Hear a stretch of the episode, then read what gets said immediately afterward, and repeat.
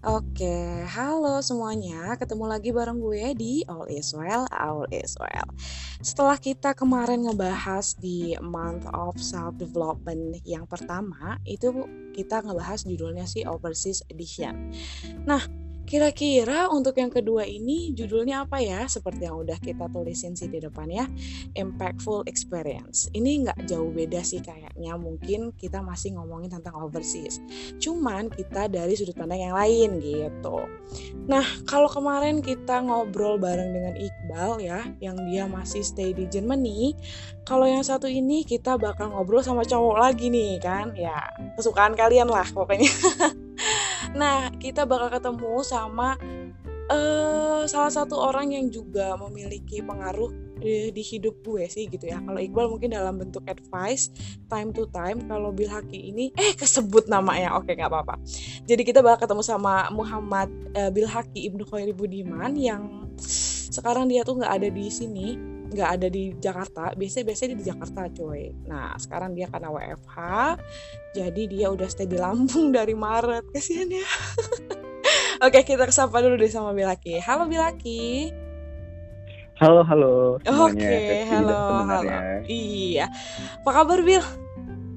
Baik, alhamdulillah. Walaupun seperti lo bilang tadi gue udah 8 bulan tinggal di rumah, bosan, tapi ya ya udah Gak apa-apa, gak apa-apa. Yang penting aman ya, Bill ya, dari corona, ya kan? Yes. Alhamdulillah. Alhamdulillah.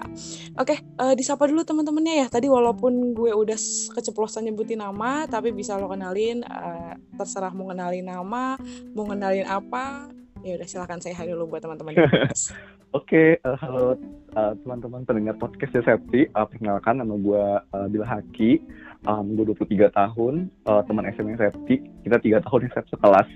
Iya benar uh, benar. Dari sepuluh tiga sampai masuk IPS juga dua tahun. Itu that's when I know safety from the beginning sih gitu. Sampai sekarang udah temenan berapa tahun ya? Berarti dari 2011 udah sembilan, sembilan tahun. tahun. Uh, lama banget ya. Yes, yes. Okay. Lama, lama, lama. Mantap, mantap, mantap. Nah ini, jadi Bill Haki ini adalah salah satu orang yang mungkin paling sering gue mintain pertanyaan gitu ya. Tiba-tiba gue terpikir sesuatu karena dia orang yang reachable. Terus dia board gitu loh pengetahuannya luas lah dia tuh cerdas gitu ya nggak Bill? Oke okay deh, uh, kan kebetulan lu udah paham nih ya, gue udah ngasih brief lo tentang uh, kita bakal mau ngomongin tentang self development. Di mana ketika di episode pertama gue bilang nih bahwa self development ini bukan sesuatu hal yang harus besar gitu, bukan kita mm -hmm. harus dapetin dari motivator lah atau kejadian mayor yang mungkin bikin apa gitu. Tapi bisa jadi dari hal-hal sederhana pengalaman kita yang gak kita sadarin. Kalau misalnya itu bisa ngasih kita pandangan baru ngasih kita pola pikir baru dan kita bisa beda nih ngeliat satu hal yang tadinya A jadi B gitu kalau misalnya gue inget-inget sih waktu itu tuh gue pernah ke UI Bill Terus habis mm -hmm. itu ketemu di uh, apa sih bukan stasiun kalau nunggu bis halte gimana Bikun. sih? Iya halte, iya. Nah, nunggu di halte Bikun terus lo tuh bilang lo mau berangkat ke Jepang dan gak lama setelah dari situ lo tuh beneran berangkat gitu. Sedangkan waktu itu kalau nggak salah tuh ya yang gue lihat itu kayaknya itu di semester semester semester semester yang agak ya udah gitu loh udah tua mm -mm, iya mm -mm. terus gue kayak ya udahlah yes, yes, yes. punya tamannya sendiri gitu sebelumnya hmm. nih gue mau nanya dulu sebenarnya sebelum kita ngebahas lebih jauh awalnya waktu itu lo akhirnya uh, ke Jepang hmm. tuh apa sih pertama kali gitu ke Jepang tuh acara apa sih gitu Hmm, oke okay, oke. Okay. Mungkin ini uh, related sama self development topiknya yang saya uh, bawa ya di podcast kali ini gitu. Mm-hmm. Jadi sebetulnya tuh um, awalnya banget set uh, itu tuh ter- uh, apa namanya awalnya tuh di berasal dari 4 di mana gue tuh merasa lumayan demot sama kuliah gue gitu. Dan dalam artian kayak bosen gitu setiap hari uh, kuliahnya gitu. Mana kalau di jurusan gue di HUI itu tuh tugasnya tuh setiap hari dan paper mulu gitu. Hmm, teori okay, banget okay, okay. semester 4 loh semester gue paling kayaknya paling jelek. Sama kayak uh, apa namanya pokoknya demot banget lah gitu. Kayak gue suka banget bolos kayak demi ikutan volunteer Java Jazz lah. Um, hmm. apa namanya kayak ikutan sana sini. Pokoknya kayak bosen aja gitu loh kuliah. Makanya tuh dan uh, apa namanya kayak gue ngerasa kayak gue butuh break gitu. Gue butuh escape. Tapi gue tak sadar diri kalau gue escape gak mungkin kan gue cuti satu semester mau ngapain gitu kan. Kayak gue bukan orang kaya yang bisa traveling anywhere gitu. So I think gitu ya um, the right okay. the right way untuk escape adalah dengan doing exchange gitu loh. Jadi itu that's where apa ya itu adalah apa ya awal mula kenapa gue mau exchange gitu loh. Karena awal waktu kuliah gue nggak mau nggak ada plan juga untuk exchange gitu loh. Itu beneran sudden um, apa namanya kayak lu bosen kepengen banget break gitu loh dari kehidupan gitu. Kehidupan mulai kehidupan UI gitu ya. Iya uh, ya udah akhirnya uh, apa namanya uh, biasanya kalau misalnya di uh, di UI itu kalau exchange itu biasanya harus mempersiapkan satu semester sebelumnya gitu jadi hmm. uh, gua tuh dulu mau plan itu di exchange di semester 6 gitu karena di semester 6 adalah satu-satunya semester di HUI yang nggak ada matkul wajib jadi oh, nah itu okay. harus dipersiapkan dari semester 5 mm-hmm. Ya pokoknya long story short adalah intinya uh, apa namanya gue persiapin semester 5 untuk berangkat semester 6 udah keterima tuh set LOA-nya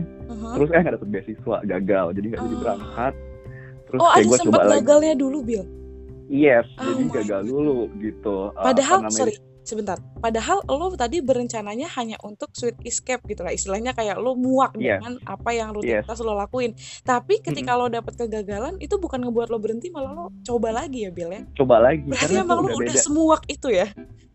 Iya, pertama semua itu dan sama tuh kayak during the whole process kan gue kalau excited tuh kayak gue kayak poin segala hal tentang anak hmm. exchange. Jadi gue gua buka semua vlog-vlog anak, anak exchange, gue buka hmm. semua blog, vlog, quest semua dah gitu. Jadi beneran kepengen itu jadinya tuh yang awalnya cuma escape jadi beneran kayak kepengen berangkat hmm. jadinya gitu loh dan dan kayak akhirnya tuh gue punya mindset waktu itu kayak oke okay, bucket list gue gue tuh sebelum lulus kuliah S1 gue harus tinggal di luar negeri um, for couple of months enggak cuma yang cuma sebentar kayak seminggu dua minggu tapi gue kapan beneran hidup di situ loh jadi objektifnya hmm. udah changing tuh set gitu dari awal yang ke escape uh-uh. akhirnya tuh uh, jadi apa namanya kepengen ngerasain gitu loh hidup di luar negeri for several times lagi karena karena gue mungkin lah gue pindah ya siapa gue pindah imigrasi ke negara orang gitu jadi menurut gue ya exchange adalah the perfect plan for me gitu jadi okay. itu sih jadi waktu ketika gagal ya udah apply lagi tahun semester depannya with a lot of apa better planning lah. Kayak kemarin gue nggak tahu ini nggak tahu ini.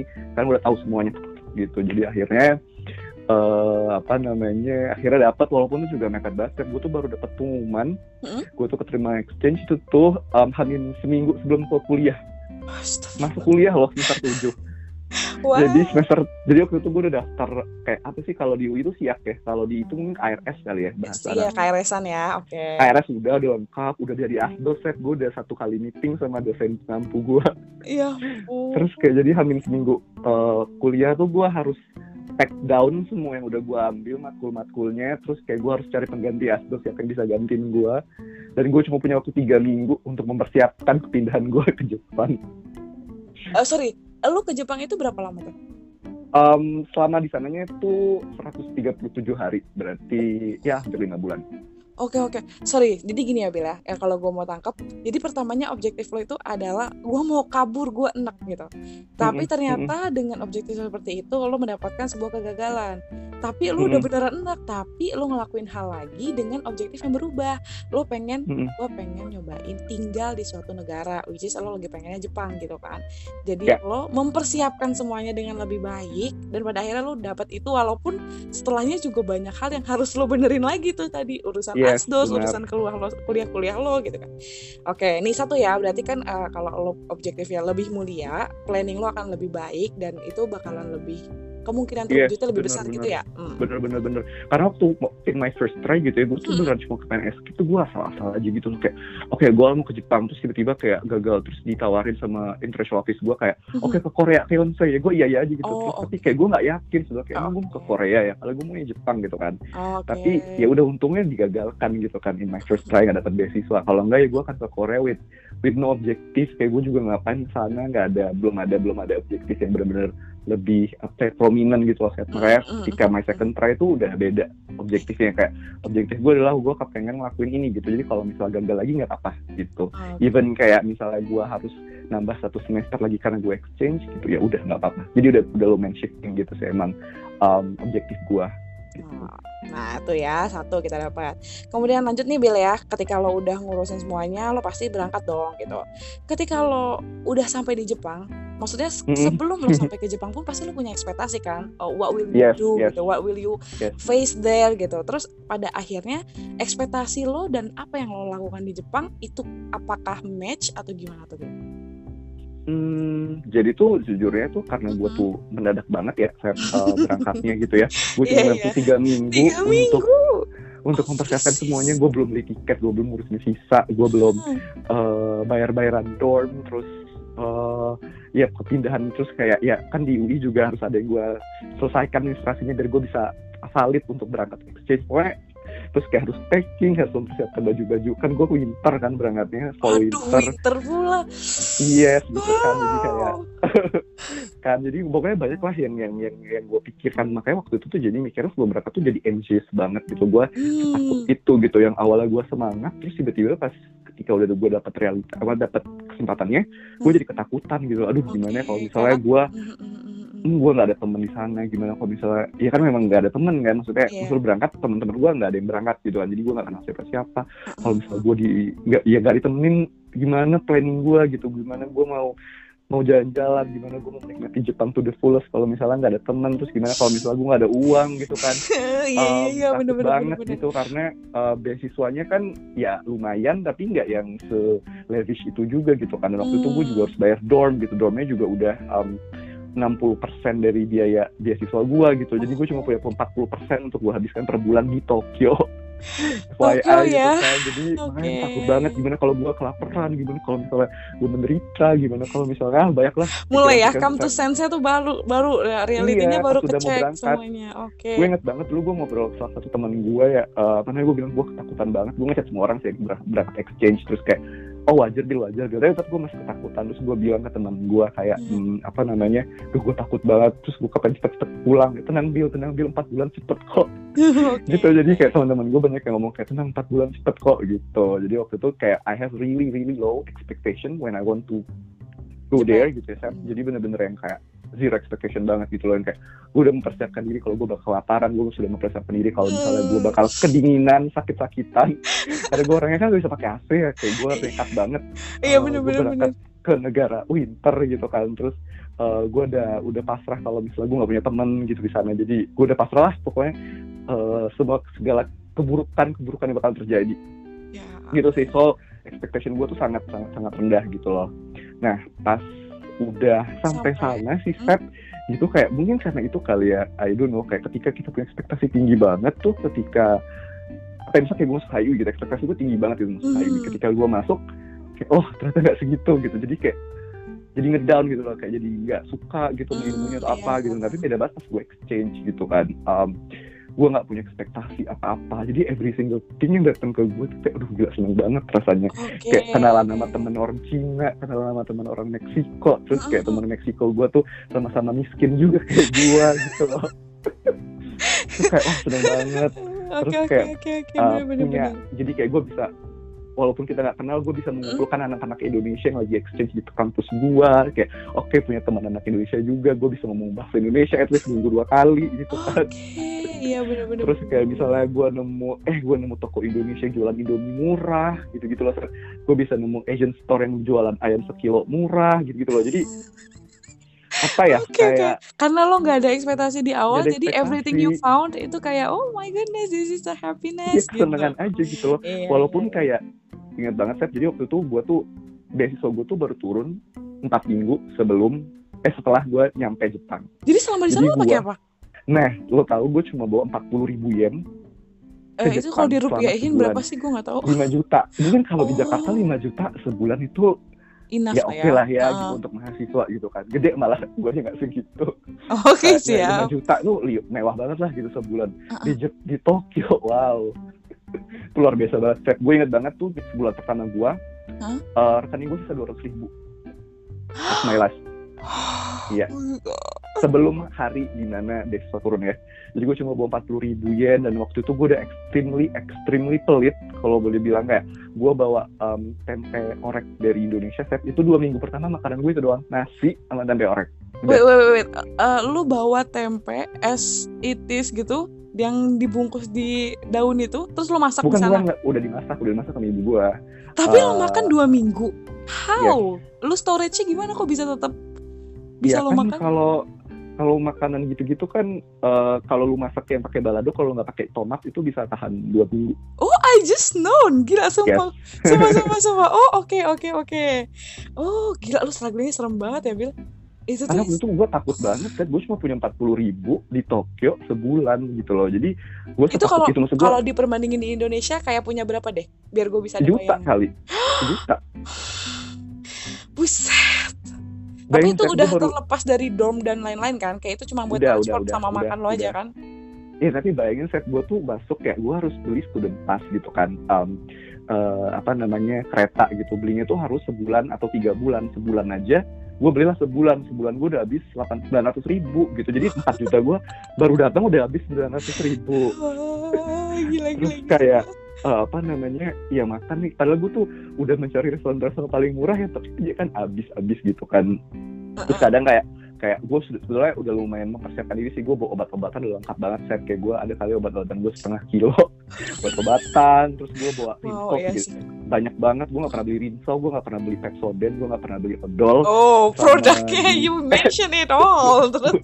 Pokoknya gue bawa semuanya itu dari Indonesia. Sabun gue pernah beli kan gue takut gue semuanya mahal. Jadi gue bawa semuanya. Jadi bulan pertama tuh pengeluaran gue memang beneran purely cuma makan Oh, kayak misalnya diajakin jalan-jalan gitu, kayak gue maunya cuma yang rutenya gratis gitu. Karena kalau pakai student pass, kalau di Jepang tuh lo kalau misalnya gini deh, lo kalau pakai kartu KRL, kalau misalnya lo tuh beli yang paket mahasiswa dari misalnya rumah lo di hmm, Sudirman, hmm. terus uh, itu lo di stasiun Uni UI gitu ya. Hmm. Nah itu tuh lo kalau pakai kartu itu lo bisa gratis tap in kapan pun selama sebulan di stasiun yang melewati uh, jalur tersebut. Oh, oke. Okay. Karena notabene mahasiswa itu ya. Oh, oke oke oke oke. Student pass. Nah, di situ jadi kayak gue cuma mau jalan-jalan tuh yang kayak ya, dilewatin sama student pass itu, itu. biar gue gratis gitu loh. Jadi makanya gue, nah dulu bersyukurnya gue tuh dapat stasiun Shinjuku. Kalau lo tahu Shinjuku tuh stasiun terbesar, tersibuk di Jepang bahkan hmm. di dunia. Kalau kata orang, jadi oh. kayak udah gue ke Shinjuku gratis. Wait, wait, wait. Jadi itu tuh ditentuinnya dari mana, Bill? Gak tahu. Oh, sebetulnya ya simply dari stasiun terdekat dorm gua ke oh, kampus okay. gua. Oh, okay, Jadi tuh kayak okay. dorm gua agak agak-agak suburbs gitulah, nggak di Tokyo metropolitannya banget. Okay. Kayak di Bintaro nya gitu. Oh, kampus gua tuh di di tengah-tengah kota kayak di Sudirman gitu loh. Oke. Okay. Enggak Sudirman lah ya di mana ya di, di Menteng gitu loh. Menteng. Oh, okay. Ya Dupa atas gitulah intinya gitu. Jadi memang lumayan jauh tapi ya namanya transportasi Jepang ya gue diragukan lah ya kayak mm -hmm. jarak kayak gitu loh simply kayak cuma 40 menit gitu-gitu udah udah nyampe. Eh, di Indonesia juga jangan diremehin dong. oh, baik. Oke, oke, oke. Jadi nah, dengan nah, itu kalau saya kalau ekspektasi terkait ekspektasi. Mm -hmm. Iya, jadi kalau misalnya lo zero ekspektasi, lo malah lebih enjoy ya di sananya gitu ya. Iya. Kayaknya itu juga iya. applied kepada kehidupan kita sehari-hari nggak sih? Maksudnya ketika kita melakukan suatu hal atau perencanaan, kita boleh berekspektasi, tapi do not too high gitu karena takutnya nanti jatuhnya sakit banget gitu ya Bel yes. Bahkan gue punya banget saya kayak gue ke supermarket belanja bulan mingguan aja gue seneng gitu loh set bawaannya. Kayak gue kayak ke supermarket beli ya kan di Jepang mahal banget ya. Lu lu beli sayur sama tahu sama gitu doang udah ribu gitu kan. Tapi kayak gue pulang gitu nenteng dari supermarket ke dorm terus kayak melewati perumahan-perumahan Jepangnya gue bahagia ya Allah gue ya, karena, belanja di supermarket uh, Jepang. oke okay, iya karena lo kan dream of itu gitu lo ingin hidup gitu kan. Bagaimana lo melakukan hal-hal yang sehari-hari dilakukan oleh orang tinggal di sana gitu dan you did it gitu. Ya nggak sih? Dan, itu tadi maksud siapa apa namanya uh, with low with zero. Mungkin nggak zero lah ya. Mungkin gak with zero, low expectation gitu ya. Kayak jadinya tuh beneran kayak everything seems so nice aja di gue karena kayak oh gue gak expect ini ada oh gue gak, gak expect ini ada. Eh semuanya datang gitu loh. Jadi kayak bawaannya selalu bahagia aja gitu jadinya Oke oke. Nih dari tadi kan lo kan uh, ngomong kayak tentang kehidupan lo gitu kan, tentang ada tadi lo keceplosan untuk ngomong student pass. Tapi sebenarnya selama kurang lebih lima bulan lo di Jepang tuh lo ngapain aja sih Bil? Terlepas dari hmm. lo berbelanja dan berkehidupan sebagai seorang di Jepang ya. Tapi tujuan okay, utama okay. exchange itu lo ngapain sih kegiatannya gitu? Mungkin okay, ini okay. bisa bagian dari self development yang paling development gitu.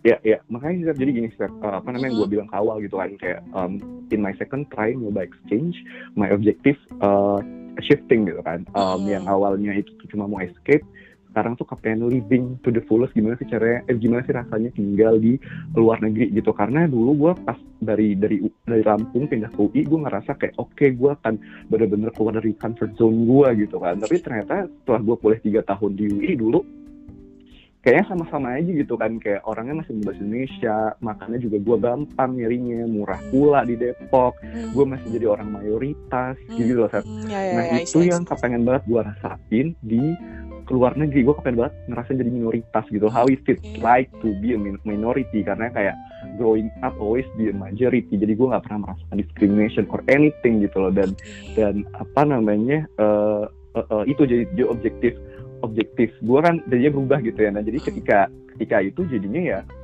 apa namanya uh, gue berusaha untuk mencoba menjadi uh, apa namanya citizen Japan gitu. Kayak hmm. kayak nyoba segalanya gitu loh set kayak uh, apa namanya mungkin side of ini ya maksudnya sebagai student exchange ya. Maksudnya lu uh, apa namanya uh, kuliah gitu ya, gitu ya iya tapi gini sih kuliah. kayak sejujurnya tuh uh, itu tadi gitu kan gue walaupun udah uh, objektifnya kan lebih ke hidup gitu jadi objektif gue bukan pendidikan lagi. Objektif gue bukan akademis gitu loh. Mungkin kayak orang expect wah gila laki exchange itu belajar banget. Enggak karena gue ngerasa gue udah akademis banget gitu 6 semester gue di HUI jadi gue nggak butuh belajar akademis lagi. SKS gue udah 120 gitu. Gue cuma 20 gue cuma punya 20 SKS lagi gitu. Jadi ngapain gue belajar? Gue nggak ngambil matkul HI pas gue kuliah di sana set jadi gue cuma ngambil matkul bahasa Jepang karena gue pengen belajar bahasa okay. di negaranya langsung. Terus tuh sangat-sangat bersyukur gitu gue ngambil itu. Terus gue ngambil matkul tentang sejarah Jepang karena gue suka sejarah. Walaupun pasti ternyata zong sih itu kayak gue ketipu sama judul kelasnya. Iya boleh lah terus satu lagi matkul tentang tesis tesis gue udah sih. Jadi basically gue cuma ambil tiga matkul set dan kayak um, apa namanya hmm, kadang tuh hari itu kayak gue tuh cuma kuliah dua jam. Ada yang cuma sejam. Kayak pas Jepangnya itu 9 sampai jam 10 terus kayak kelas itunya jam 11 jam 12 dah kelar gitu oh, besoknya misalnya kelas pagi sampai jam 10 terus kelas kedua jam 5 sampai jam 6 dah gitu loh jadi bener-bener most of the time tuh gue menghabiskan dengan kayak yaudah jalan-jalan lihat-lihat hmm. kehidupan di Jepang gitu loh hmm. kayak ya merasakan lah gimana berarti emang bener-bener fulfill ya.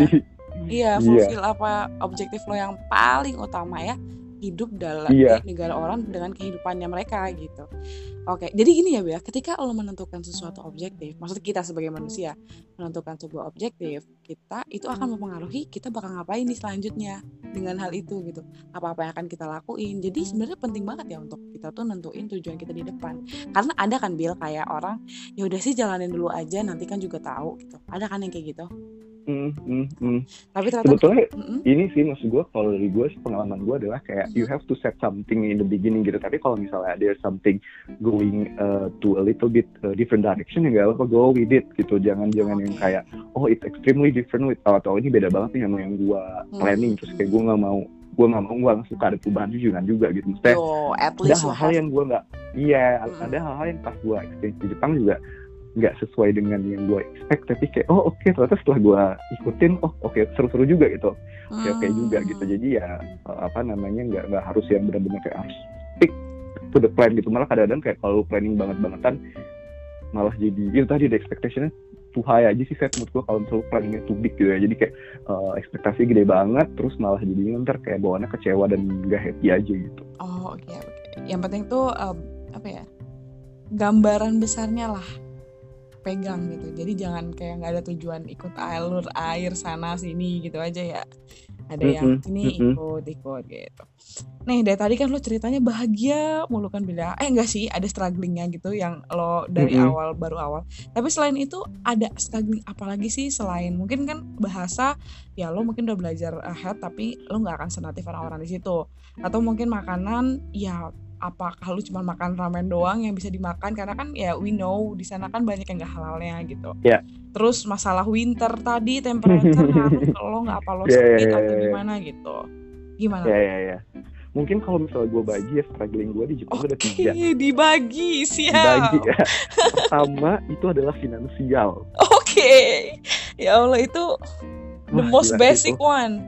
The most basic one sih kayak eh, lu tinggal di Tokyo lagi. Mungkin kalau misalnya gue tinggal di Kyoto atau misalnya gue tinggal di Okayama di di Hiroshima yang living costnya uh, much more lower than that gitu ya. Kayak oke okay, gitu. Tapi dengan beasiswa gue yang segitu ya alhamdulillah sih dapat beasiswa gitu kan. Yeah. terus kayak gue bener-bener manage uang gue bener-bener ah gila sih. Gue gue tuh sampai download aplikasi namanya apa ya e-wallet atau apa gitu. Gue bener-bener dari pertama gue nyampe Jepang uh-huh. sampai mungkin tiga minggu sebelum gue pulang kali ya itu gue benar-benar nyatet set setiap malam tuh gue akan selalu nyatet pengeluaran gue dan gue selalu samain uang di aplikasi gue sama uang actual di dompet gue ada berapa. Setiap malam. Karena kayak gue takut kan karena uang gue dikit banget selama di Jepang gitu kan. Jadi gue dan gue mau nabung dan gue mau liburan banyak lah gue maunya. Gue mau ke tempat ini gue mau ke Disneyland gue mau ke use, apa Universal Studio gitu. Jadi kayak gue harus tight gitu loh kayak sama pengeluaran gue jadi kayak gue harus tahu gue keluar berapa duitnya. Terus kayak gue mau tahu kayak selisihnya berapa gitu loh. Akhirnya karena gue rajin tiap malam tuh gue selalu sama paling selisih satu ya dua ya nggak ya cuma seratus dua ratus rupiah soal kecil kecil gitu kan. Hmm, okay, apa okay, namanya okay. uangnya. Tapi uh, apa namanya mood gue itu sih. Mungkin gue nggak awal gue mikir tuh struggle gitu ya. Aduh kayak misalnya tadi ke bulan pertama gue uh, apa makan namanya? tempe orek. Makan tempe orek terus dua uh, dua minggu, eh, minggu ketiga minggu keempat tuh nah gue akhir pertama kali beli telur. Jadi kayak uh, minggu ketiga minggu keempat itu baru gue makan nasi pakai telur. Oh my god. Dan itu itu makanan gue dong sebulan pertama. Ya mungkin kalau kalau misalnya lunch mungkin di kantin mungkin kadang-kadang yang makan karage atau makan soba gitu ya tapi kalau misalnya makan pagi makan malam tuh pasti selalu kayak nasi telur dadar nasi tempe orek nasi telur dadar tempe orek uh, apa uh, abon sama telur. Nah gitu aja. Hmm, okay. karena gue empat cuma empat puluh ribu yen kan. Mungkin udah bulan kedua agak getting better gitu ya. Gitu uh -huh. jadi kayak udah ada aplikasi apa pakai aplikasi terus habis itu gue banget bulan kedua gue sok-sokan mau liburan ke Kyoto Osaka sama temen gue waktu itu. Terus akhirnya gue tuh literally bawa bekal tiap hari jadi gue masak gitu loh kayak something yang oh, gue gak pernah lakukan selama gue dana karena yeah. lo mau liburan oke okay. Iya. yeah.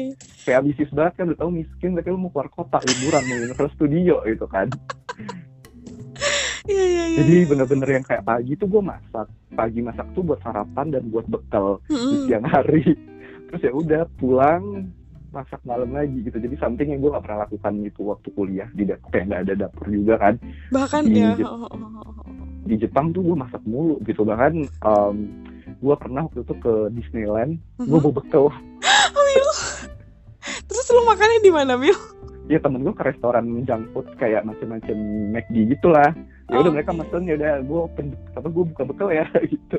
Oh my god. Karena nggak karena nggak bisa saya kayak di Jepang tuh gue harus memilih gue mau kos keluar buat uh, jalan atau makan. Mm -hmm. gak bisa dua-duanya karena makan di Jepang mahal gitu kan. Kayak lu sekarang kan tiga ratus ribu. Kayak di mata gue tiga ribu tuh mahal banget untuk makan. Jadi gue nggak mau. Mending gue bawa bekal. Kayak dulu gue pernah ke Universal Studio uh, strict banget kan gue nggak boleh bawa kotak makan. Gue beli onigiri terus gue masukin ke baju celana gue jadi gue makan onigiri dua biji aja tuh. Selama di Universal Studio karena mahal banget makanya di studio set kayak lu beli gue beli sih beli kayak apa namanya kayak apa namanya kalau di studio kan ada bir bir butter bir ya. Itu kan nggak ada alkoholnya. Itu aja tuh gue beli seribu yen yang pakai gelas plastik itu seratus ribu ya ya udah apa apa kok di experience. Makanya tapi lunch gue gue makan onigiri aja. Ya ampun.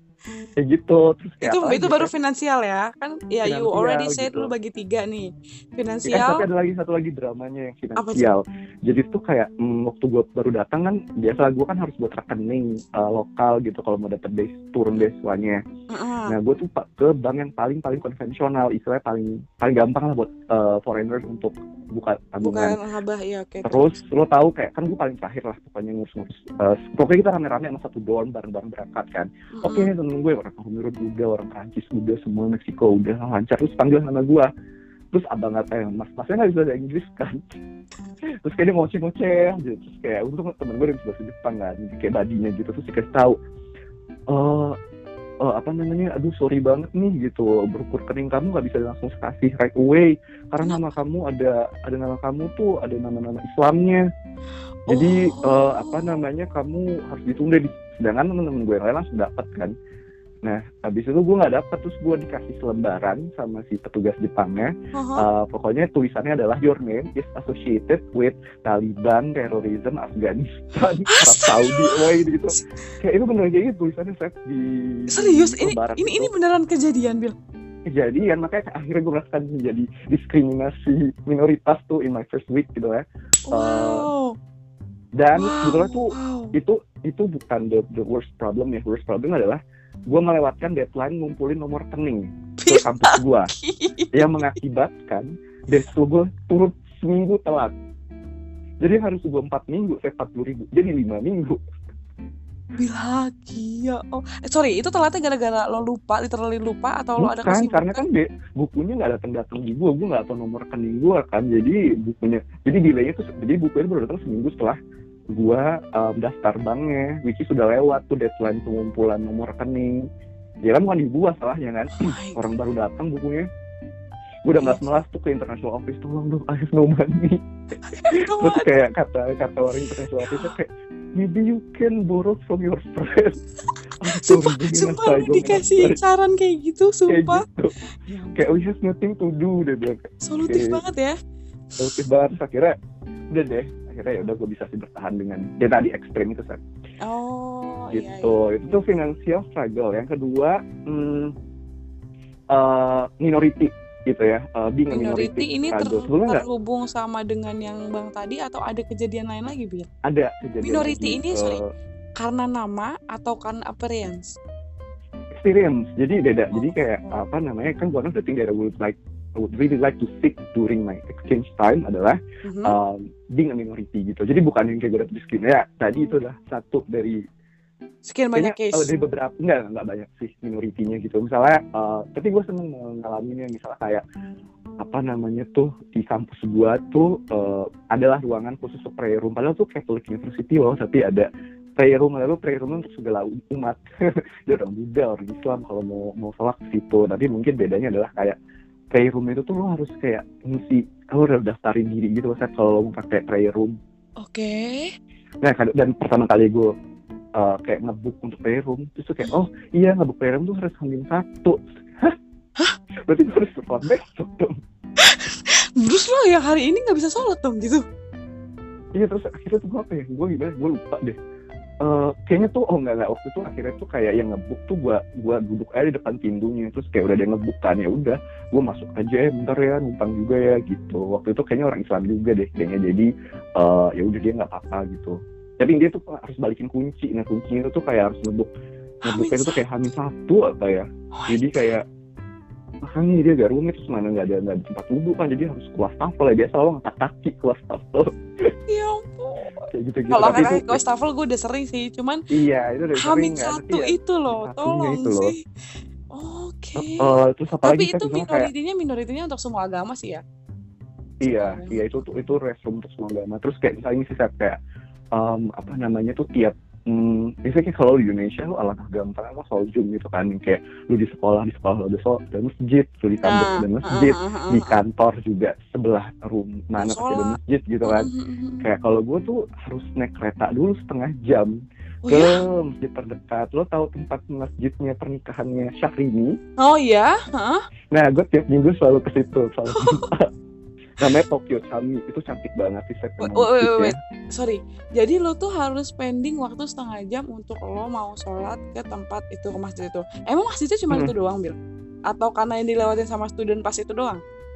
Ya itu alasan utama itu pertama. Oke okay. yang kedua? Yang kedua memang masjid di Jepang nggak di Tokyo nggak banyak kan. Paling berapa sih? Nggak sampai sepuluh gitu kan. Dan oh. dan gue udah cek gitu yang yang yang yang, yang bagus tuh kan di KBRI which is tuh jauh banget dari kampus gue terus di Asakusa itu juga mahal dan jauh dari kampus gue juga. Jadi yang paling ya, alhamdulillahnya ada gitu kan masjid yang agak deket sama kampus gue dan itu masih masuk ke dalam student pass gue yang free ini free pass hmm. ini. Jadi ya udah alhamdulillah sih nemu masjid itu gitu.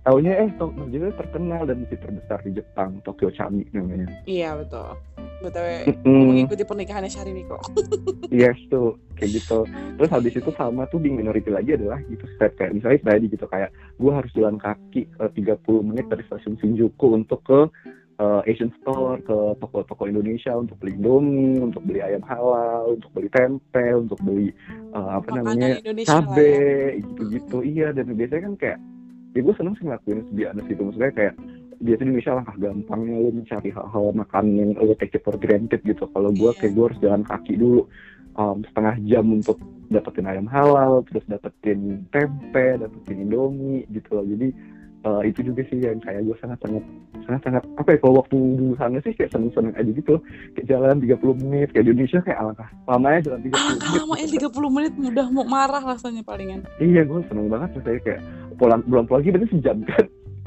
kan kayak ke Shinjuku ke toko itu setengah jam toko ke Shinjuku lagi setengah jam jadi sejam itu bolak balik wow. tapi ya udah gue nggak pernah merasa uh, apa namanya kesal atau merasa ah apa yang beri enggak gue gak pernah rasa sama sekali. Gue malah kayak seneng aja ya, gila have this experience kayak gue harus beli ayam halalnya jauh-jauh gitu loh. That mindset sih yang kayak gue put in mind kayak jadinya seneng aja gitu. Jadi sebelumnya nggak struggling juga sih minority. Gue menunggu nunggu rasanya jadi minority. Menunggu nunggu tapi aja. ya pas ngalamin juga ada shock kaget juga kan masih tetepan oh gini oh gini masih tetap kaget juga. Iya itu mungkin karena mungkin kalau orang kan nggak orang nggak akan tahu bayi nama ya. Kalau nama mungkin kayak agak jelas itu nama gue Islam. Kalau dari muka kan nggak kelihatan ya. Iya muka lo kan Jepang uh, banget ya Mile ya? nggak Jepang juga. Nggak gue selalu dikira orang asing gue mau orang Jepang. Oh dikira apa? Uh, selalu dikira orang asing. Oh ya oh tapi dikira orang Filipin. Oh iya. Thailand. Oke oke oke oke. Oh, oh nah itu minority ya nah yang ketiga satu lagi itu, belum satu lagi itu udara pastinya cuaca oh ya kan? temperatur itu. uh, temperatur ya lo tau lah kalau gue mau orang nggak bisa dingin gitu gue nggak yeah, bisa oh, gitu kan. Jadi sebetulnya risk sebetulnya kayak gue gila aja sih dulu pengen berangkat di uh, di winter gitu ya. Kan sebetulnya ada pilihan lo bisa berangkat summer atau winter gue milih winter karena nggak ada nggak ada waktu lagi sih cuma punya winter kan hmm. ya udah uh, uh, gue takut banget kan kayak aduh gue pasti bakal sakit nih gitu. karena biasanya gue kalau pakai kalau gue pakai AC gue bisa demam gitu kan. Iya. norak banget kan. Norak banget. kan terus, terus takut banget gitu gimana ya gue tinggal di dunia yang isinya AC gitu kan. Istilahnya ya. Terus istilahnya terus. gitu kan. Terus uh, tapi bersyukurnya karena gue perlahan-lahan kan gue nyampe sana 19 September jadi kayak masih yang um, suhunya 27 terus turun ke 25 ke 20 17 November tuh udah mulai 15-an akhir November sekarang ini tuh kayak udah mulai yang nonton ke 10 wow. Terus Desember tuh udah mulai tuh turun turun turun sampai akhirnya tuh di akhir mulai Desember mulai Natal lah sudah mulai dingin sudah mulai nol. Nol? Oh sampai nol ya? Nol. Iyalah uh, ya maaf sih pas saya nggak tahu. Oh iya.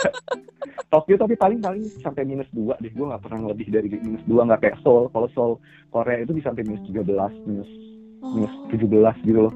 Kalau di Tokyo paling minus dua nol lah. Kalau winter yang Januari Januari itu biasanya nol sampai dua derajat. Nah karena gue mengalami pelan-pelan jadinya tuh ternyata badan gue beradaptasi gitu. Jadi gue nggak yang kaget gitu kaget loh. gitu loh kan gue kira kayak dulu tuh waktu winter saya semua orang anak kayak kan gue sekelas itu sih anak kayak kayak mau orang Jerman kayak orang Amerika kayak orang Inggris orang Afrika. Tuh pada pada batuk pada pil.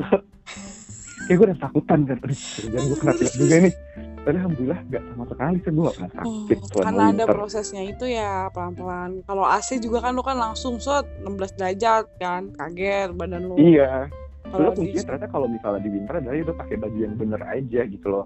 Arti kalau kata yang bener tuh apa?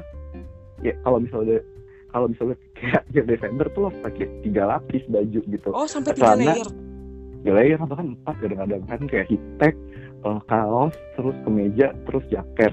Hmm. Nah terus kayak uh, dulu tuh kayak kalau Desember tuh masih celana dua lapis gitu ya masih oke. Okay. Dan Januari nggak bisa gue dua lapis harus tiga lapis. Nah, udah dulu kayak as long as that terus pakai pakai scarf. Terus kalau misalnya dingin banget lo pakai kupluk gitu untuk nutupin telinga atau lo pakai apa sih headphone headphonean gitu. Headphone, headphone sih ya itulah pokoknya ya, we know lah ya. Itu we know the thing but we don't know the name. Terus? Yes, nah itu aman nggak nggak kenapa-napa gitu hmm, okay, ya walaupun kadang-kadang kalau misalnya lu jalan gitu ya kan ya kan gue sering jalan ya beli-beli sesuatu gitu kan. Uh. ya muka lu sih kadang kering ya. tuh kering banget ini dingin banget tapi ya lama-lama terbiasa sih jadinya yang awalnya gue kira itu struggle struggle yang bakal gue hadapi yang gue bakal menderita kedinginan, sakit, mm-hmm. demam. Karena kan lu udah punya notaben sendiri, udah punya catatan sendiri loh. Kalau misalnya lo kena saja sakit, gimana di winter, gue kayak menantang maut gitu gak sih lo? Iya, gue tuh udah siapin banyak banget obat-obatan. Gue banyak. Ya lo bilang setengah kilo? Setengah kilo beneran dah. Aduh, tapi tapi tapi waktu itu emang ini sih kayak winter tuh gue lumayan lumayan disiplin. Kayak gue minum uh, vitamin C hampir tiap hari. Terus kayak oh. gue selalu make sure gue masak uh, sayur. Uh, terus juga mungkin kalau dari Desember kan gue udah lumayan lumayan udah lumayan lah savingnya gitu ya dari gue hmm. apa nabung tetap gitu ya. Jadi di Desember gue udah mulai lah. Mungkin nggak ada di November lah udah mulai. Kadang-kadang beli buah gitu. Ya kalau di Jepang kan buah yang murah. Paling cuma pisang pisang lima biji itu harganya berapa ya Set? dirupiahin langsung langsung dirupiahin. Ribu. Ya, kan mahal ya sudah tapi kayak oke murah lah ya gitu. Hmm. Uh, beli beli deh kayak strawberry sih gue nggak pernah mampu ya untuk beli strawberry. Paling semampu mampunya gue gue belinya yang kayak uh, apa ya? Pisang doang deh. Kalau bisa ngapel. Tapi apel itu kan kayak uh, gue selalu cari ke supermarket supermarket pinggir jalan yang lagi murah yang lagi diskon gue samperin. Oh. Kayak lagi diskon. Kan ada suka nggak diskon diskon gitu atau misalnya kayak uh, ya biasa kalau restoran Jepang eh um, Jepang itu kalau supermarket tuh kalau misalnya udah deket-deket expire oh ya Allah. murah tuh. Gue berat gue sering banget beli, beli ayam gitu ya yang kayak expired itu hari lagi. Oke okay, harga setengah harga beli. Karena lo kan mau diproduksi eh diproduksi karena lo mau masak segera kan iya, jadi ya it's okay. juga gitu. Iya. langsung gue masak jadi ya gitu gitu sih. Itu tips and trick untuk bertahan hidup secara finansial ya Bil ya? Wah iya sih Seth kayak wah gila lu mungkin ini bisa berjam-jam kali kalau gue mau cara gue bertahan yang mungkin orang-orang bakal terheran-heran gitu ya. Cara gue bertahan. Hidup uh, minimalis di Jepang tapi tetap bisa jalan-jalan. Jadi gitu guys. Karena gue memilih akhirnya. Gue mau jalan apa makan jadi gue milih jalan-jalan. Jadi makan gue tikus ya? Iya yes, jadi oh pengalaman gue untuk kuliner gak ada di Tokyo. Makanya gue mau balik lagi.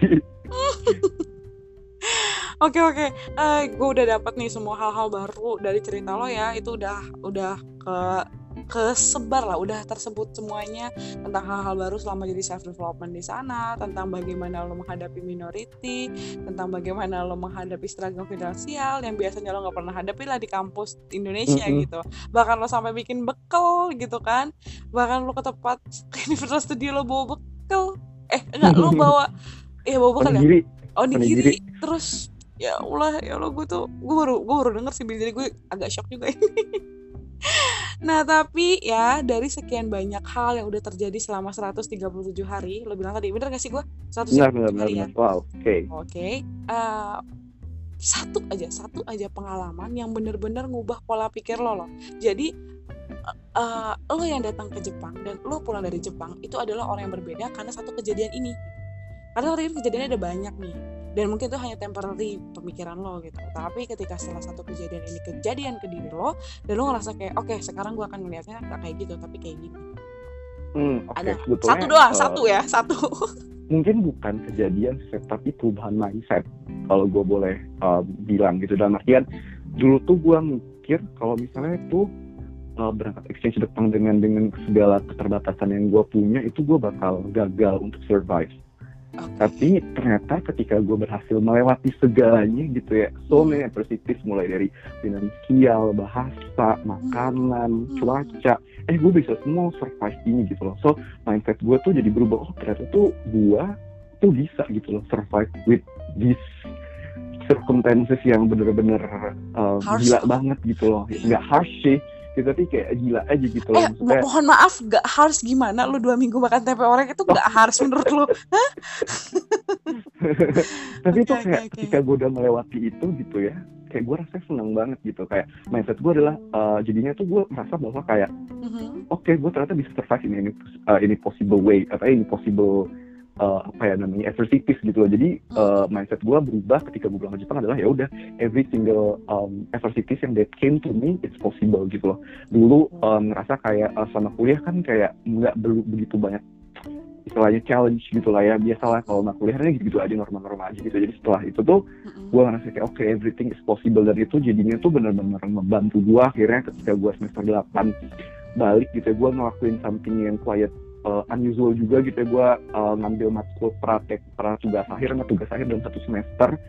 Uh, apa namanya itu juga kayak awal tentang sama dosen gue juga akhirnya gue bisa melewati itu gitu loh. Jadi uh, apa namanya ya udah gitu menurut gue itu sekarang gue berhasil survive di situasi yang gila banget itu kehidupan banget gitu kan. Itu bukan situasi akademis itu situasi profesional itu beneran hidup.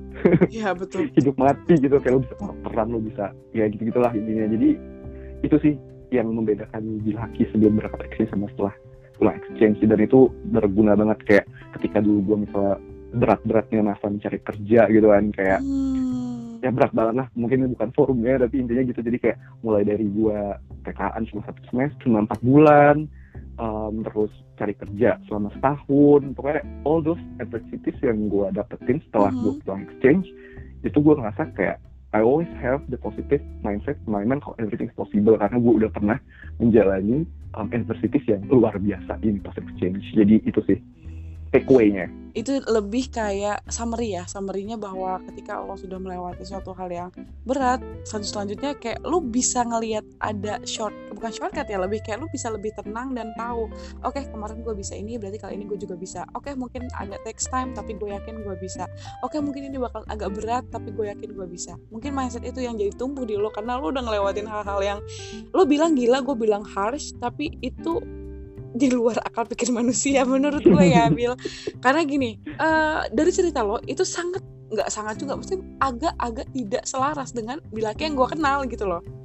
Jadi ya emang seberpengaruh itu dalam arti kalau lo bukan lo kalau manusia udah punya tujuan dan prinsip yang keras dia itu bakal bisa ngelewatin apa aja. Dalam arti kata beradaptasi. Lo lihat sama cuaca badan lo aja bisa. Istilahnya yang secara biologis harusnya nggak bisa yeah, itu yeah, lo bener. bisa gitu.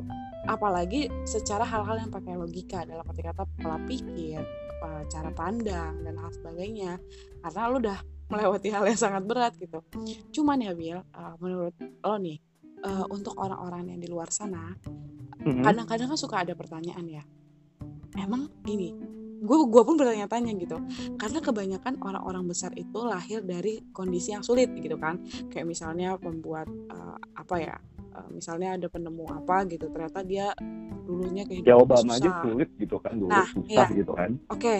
nah tapi gini ada orang yang dia tuh kayak hidupnya tuh nggak enak-enak amat tapi nggak sulit-sulit mm -hmm. amat apakah dia nggak mm -hmm. punya chance untuk menjadi seseorang yang besar di kemudian hari atau nanti akan ada waktunya juga gitu walaupun bentuknya berbeda gitu atau gimana Bir menurut pendapat lo nih karena jujur gue juga mm. punya pertanyaan tentang itu gitu Hmm, oke. Okay. Hmm, menurut gue sih sebetulnya tuh kan kadang uh, orang tuh menurut pandangan dia dia tuh kayak nggak susah-susah amat atau dia juga nggak yang uh, eh dia nggak bener amat tapi dia juga nggak yang luar biasa banget tapi kan mungkin itu dari pandangan dia gitu mungkin orang lain ngelihat um, orang tersebut tuh kayak oh udah oke okay banget gitu. Hmm. uh, jadi kadang itu sangat relatif gitu. Kadang tuh kalau kita ngadili kita sendiri tuh kesannya pasti nggak akan selalu puas gitu kan. Iya betul. Uh, tapi sebetulnya mungkin orang lain ngeliat lu tuh udah um, you're doing something good gitu loh. Yang kayak orang tuh mungkin ingin ada di posisi lo gitu.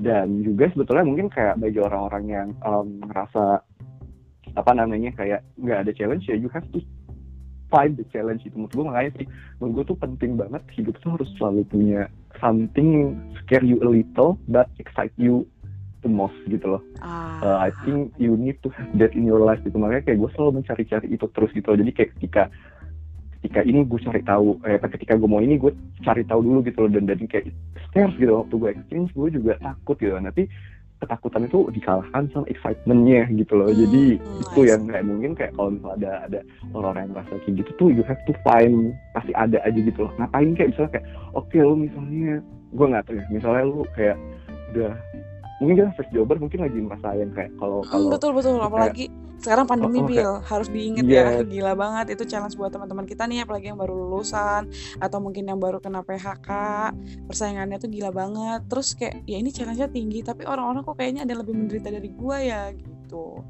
Gitu-gitu mm -hmm. Bill ya paling kayak itu tadi kayak you have to find gitu misalnya kayak lu tiba-tiba buat buat podcast gitu kan. Maksudnya uh, uh, apa namanya juga uh, ya itu kan juga nggak gampang gitu kan membuat podcast you, lu undang-undang banyak orang lu buat storynya lu buat temanya gitu kan hmm. uh, gue yakin lu juga scares you a little but excite you more gitu kan yes. dan, dan itu yang mungkin kayak people have to look for gitu loh uh, apa namanya uh, apa sih yang bikin lu jadi uh, punya semangat lagi biar lu doing something gitu. Karena sebetulnya ya uh, orang-orang beda-beda set kayak lu nggak bisa bisa nggak semua orang bisa jadi Obama gitu kan set jadi ya kayak uh, the big person you are itu nggak nggak nggak nggak dilihat dari kayak lu sehebat apa gitu loh. Karena oh, di end day whether you can fulfill your own um, aspiration aja sih sebetulnya. Kayak okay. kayak lu selalu kayak banyak orang bilang kayak oh jadi besar jadi menteri harus jadi apa? Ya enggak hmm. juga gitu loh. hmm. karena nggak semua orang jadi menteri gitu kan. Nanti uh, ada mungkin orang yang kayak biasa-biasa aja tapi hidupnya bahagia sampai hayatnya gitu. Ada yang kayak dia CEO atau dia menteri atau apa tapi menderita mau hidupnya nggak nggak enjoy the moment of life ya ngapain juga gitu loh. Jadi menurut gua uh, kayak anak-anak di sana di luar sana gitu ya orang-orang first jobber di UCST jangan pernah mikir yang kayak ya you are worthless atau nggak punya value atau apa gitu. Karena menurut gue beda-beda orang-orang itu. Everyone has its own time everyone has its own pace. Mm -hmm. jadi jangan pernah um, apa ya kayak masa oh kalau gue nggak sehebat ini papa gitu sih karena Joe Biden aja jadi presiden umur 70 ya ya kan di saat iya. mm -mm. Obama sekarang sebenarnya masih belum 60 apa ya dia udah iya. udah lama retire gitu loh jadi you never know lah gitu maksudnya what future holds cuman ya gitu. cuman kata kuncinya sih di sini sebenarnya adalah jangan pernah berhenti membatasi jangan membatasi diri sendiri lah istilahnya ya. Maksudnya kita nggak pernah tahu opportunity apa yang akan datang ke kita dan sebenarnya kita capable apa enggak untuk hal itu gitu. Tapi yang jelas jangan pernah ngebatasi sendiri kayaknya kuncinya paling di situ ya Bill ya dalam yeah. arti kata oh, oh. membatasi diri di sini tuh bukan kayak oke okay, gue akan lulusan manajemen berarti gue harus kerja di dunia manajemen oke okay, gue pemasaran berarti gue cuma kerja di pemasaran padahal sebenarnya misalnya skill gue ternyata HR dan itu jauh yeah. dari manajemen pemasaran nah kayak gitu kan jadi yes, harus yes, yes. widen your apa ya jangan widen your horizon gitu, yeah, gitu. jadi uh, ya istilahnya kayak gue lah gitu gue dari HI sekarang gue kerja di marketing gitu. Dulu dulu gue mau membahas itu tadi. Tapi mungkin itu bukan ngobrol karir tapi intinya ya gitu kayak dulu kalau gue memutuskan gue mau marketing juga takut banget gitu kayak knowing gue gak punya background gue gak punya apa pun gitu loh. Mm-hmm. nyekat aja gitu loh tapi ya udah lo push forward aja terus gitu loh. Akhirnya ya kalau lo usaha sih pasti akan take off lah di end gitu. Jadi ya pokoknya jangan jalan ya bisa kata lo tadi gitu kayak open gitu open your horizon jangan jangan mau stuck menurut gue ya. Apalagi kita masih muda itu yang pernah mau stuck sama situasi yang menurut lo tuh nggak nggak available buat lo ngapain. Gue udah tua Bill ya elah. Joe Biden nomor 70 ya oh iya. Uh, yeah. lu berapa sih? Baru 24 kan? Nggak ada apa iya. lah sama orang-orang yang udah 50 60 tahun gitu. Iya sih. Ya time management itu juga kita yang atur sendiri. Maksudnya gini ada orang yang kayak dia ngerasanya kayak aduh gue menderita banget. Padahal dia nggak ngapa-ngapain di sini gitu. Dia nggak ngelakuin hmm. apa-apa kayak gitu. Maksud gue tuh ya itu tadi coba terus semuanya semuanya dicoba coba terus sih. uh, uh, mungkin memang pandemi memang jadi halangan banget kan tapi hmm. ya ya ya doing aja yang yang yang lo bisa lakukan gitu loh. Uh, open everything karena sekarang udah ada Google juga gitu loh. Jadi jangan pernah membatasi diri lah pokoknya lu kayak orang-orang di luar sana pokoknya intinya ya jangan jangan membatasi diri aja maksudnya lu cari pasti ada ya opportunity di luar sana nggak mungkin nggak ada apalagi kita masih muda gitu sih Oke, makasih ya Bir yang masih muda banget ya kan. Gue dibilang masih muda, masih muda banget guys. Gitu. Muda. Jadi sumpah ini gue nggak bisa bikin sum up karena kalian bisa dengerin ya setiap kita ngebahas dan kita move kepada next question atau next topic itu pasti udah banyak banget hal-hal yang harus kita petik. Tapi setelah dari semuanya ini yang bisa gue ambil ya artinya adalah bahwa manusia itu bisa beradaptasi. Kalau ada kemauan manusia itu akan bisa mencapai tujuannya ketika dia punya objektif yang jelas. Jelas dalam arti di sini itu nggak harus lo bisa breakdown sampai wah detail-detail ya. Tapi at least lo punya prinsipal yang lo pegang gitu. Oke gue mau ke sana karena ini. Bukan lo punya niat yang kayak nggak jelas terus ikut alur terus-terusan gitu. Gini lo boleh ikut alur tapi lo tetap harus berpegang terhadap prinsip utama lo gitu. Kayak lo mau hidup di Jepang ya udah nggak apa-apa. Nilai gua misalnya Nabil Hakim nih tadi nilainya dia mata kuliahnya ada yang jelek ya udah bodo amat. Yang penting gue ternyata uh, menikmati kehidupan gue menjadi orang Jepang gitu kan tinggal di negara Jepang. Dan kemudian lagi satu lagi sih yang paling penting tadi. Jangan pernah membatasi diri diri kita gitu. Kalau misalnya dengan yang sekarang usahanya kurang berarti adalah cari cara lain gitu kan jangan sampai dengan cara itu terus-terusan ngotot di jalan itu. Ya akhirnya ya udah akan temunya gagal lagi gagal lagi gagal lagi capek sendiri gitu. Atau mungkin coba cari yang lain yang baru bener-bener shifting kayak si Bilhaki dia dari HI tiba-tiba masuk ke dunia marketing. Who knows? Bilhaki bilang tadi who knows the future hold ya? Apa bil what future holds for oh you. oh iya we never know what the future holds for us gitu. Oke Bilhaki ya Allah thank you banget udah sharing sama kita semua terutama ya gue sih sebagai pendengar yang banyak kayak mostly 80% tuh gue baru tahu deh Bil. Walaupun lu udah sempat cerita tentang di Jepang gimana ke gue tapi gue 80% nggak tahu bahwa ada kejadian-kejadian. Ya, yang udah yes, lo sebutkan yes, yes. itu tadi keren banget. Semoga ini lo sharing bisa membuat teman-teman yang lain terbuka matanya dan juga ngebantu teman-teman. Mungkin setelah ini ada yang daftar bil. Ya kan? Nggak ada yang tahu mereka langsung exchange ke Jepang gitu kan? Setelah pandemi mungkin nggak nggak nggak yang harus exchange di Jepang juga. Mungkin kayak lebih ke uh, ya kalau misal mungkin kadang-kadang di Indonesia kan tuh kayak gini ya apa? Mm-hmm. selalu take it for granted gitu loh lo jadi majority. Ya lo rasain deh sekali-kali lo yeah. uh, living as a minority there yeah, gitu loh. Jadi nggak take everything for granted. Oke okay, tuh teman-teman ya. Dengerin lagi tuh Bilaki aduh Bilaki banyak banget sih pelajarannya hari ini seneng gue.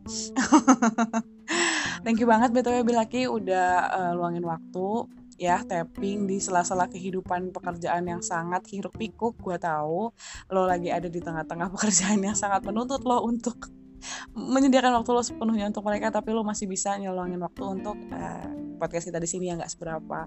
Tapi insya Allah semoga bermanfaat dan itu lebih baik dari apa pun gitu.